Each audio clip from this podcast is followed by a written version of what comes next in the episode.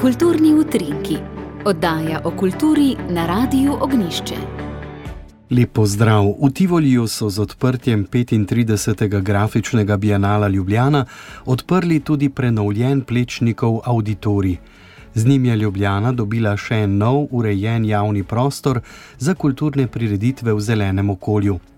Na jaso za Tivolskim gradom ob gozdnem robu so namestili lesene tribune na jekleni konstrukciji, pred njimi pa uredili površino, ki služi kot odr s pogledom proti mestu.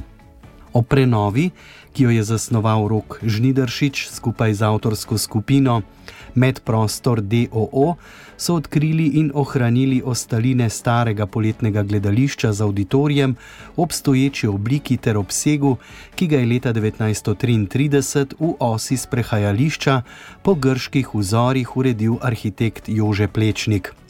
Odr je oblikovan kot utrjena, redno košena zelena travnata površina, dostop do tribun in odra je v zgornjem vogalu odra z desne strani, pot pa je utrjena travnato peščena površina v navezavi na lesen mostič, ki se izteče na urejeno pot proti Švicariji. Po besedah arhitekta Žnidršiča gre pri projektu za minimalno reverzibilno invencijo v skladu s pravili stroke in za reinterpretacijo originalne zasnove na originalnem mestu v originalnih gabaritih. Ta poudarja plečnikovo skrb za javni prostor, ki je utemeljena kot ena bistvenih vrednot njegovega doprinosa k dediščini človeštva. Skupaj z Mednarodnim grafičnim likovnim centrom in leta 2017 prenovljeno Švicarijo so ta prostor ponovno obudili za kulturne prireditve na prostem. Prenovljeni auditorij bo upravljal Mednarodni grafični likovni center, ki bo pripravljal program in koordiniral izvedbo dogodkov. Prvi med njimi je prav gotovo grafični bienale, program poletnega gledališča pa bo dopolnjeval vsebine, ki jih MGLC pripravlja v svojem muzeju v gradu Tivoli ter v rezidenčnem in ustvarjalnem centru MGLC Švicariji. Na letnem gledališču bodo lahko gostovali tudi drugi kulturni producenti in inštitucije, vsebine pa se bodo prilagajale tehničnim zmožnostim gledališča na prostem. Predvsem bo Mednarodni grafični likovni center skrbel, da bo program javno dostopen in dogodki praviloma brezplačni. Sovretovo nagrado za leto 2023 je prejel Jrnej Županič za prevod dela Moby Dick ali Kit Hermana Melvila, ki je išla pri založbi Beletrina. Kot je v temeljitvi med drugim zapisala strokovna komisija, se je Županič pogumno spoprijel z literarnim mamutom.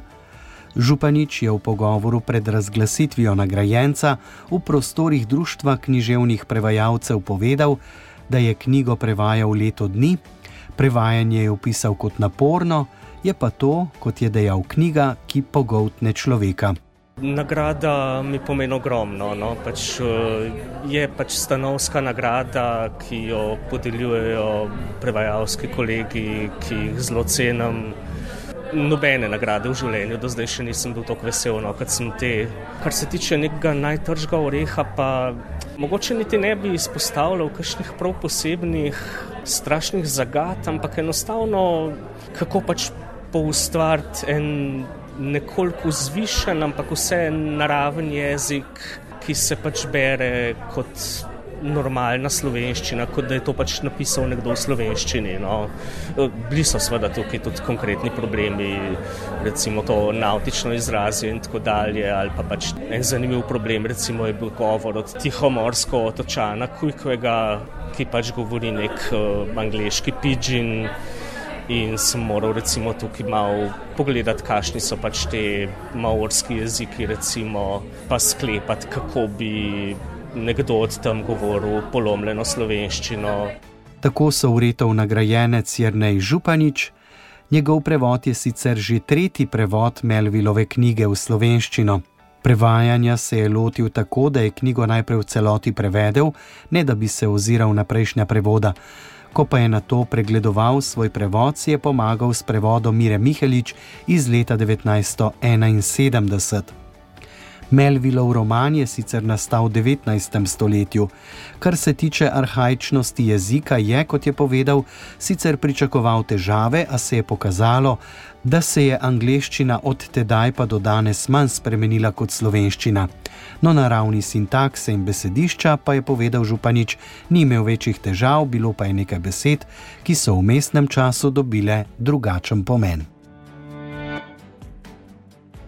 In še na primorsko z dogodkom pri rojstni hiši na vrstnem so se spomnili pesnika Simona Gregorčiča.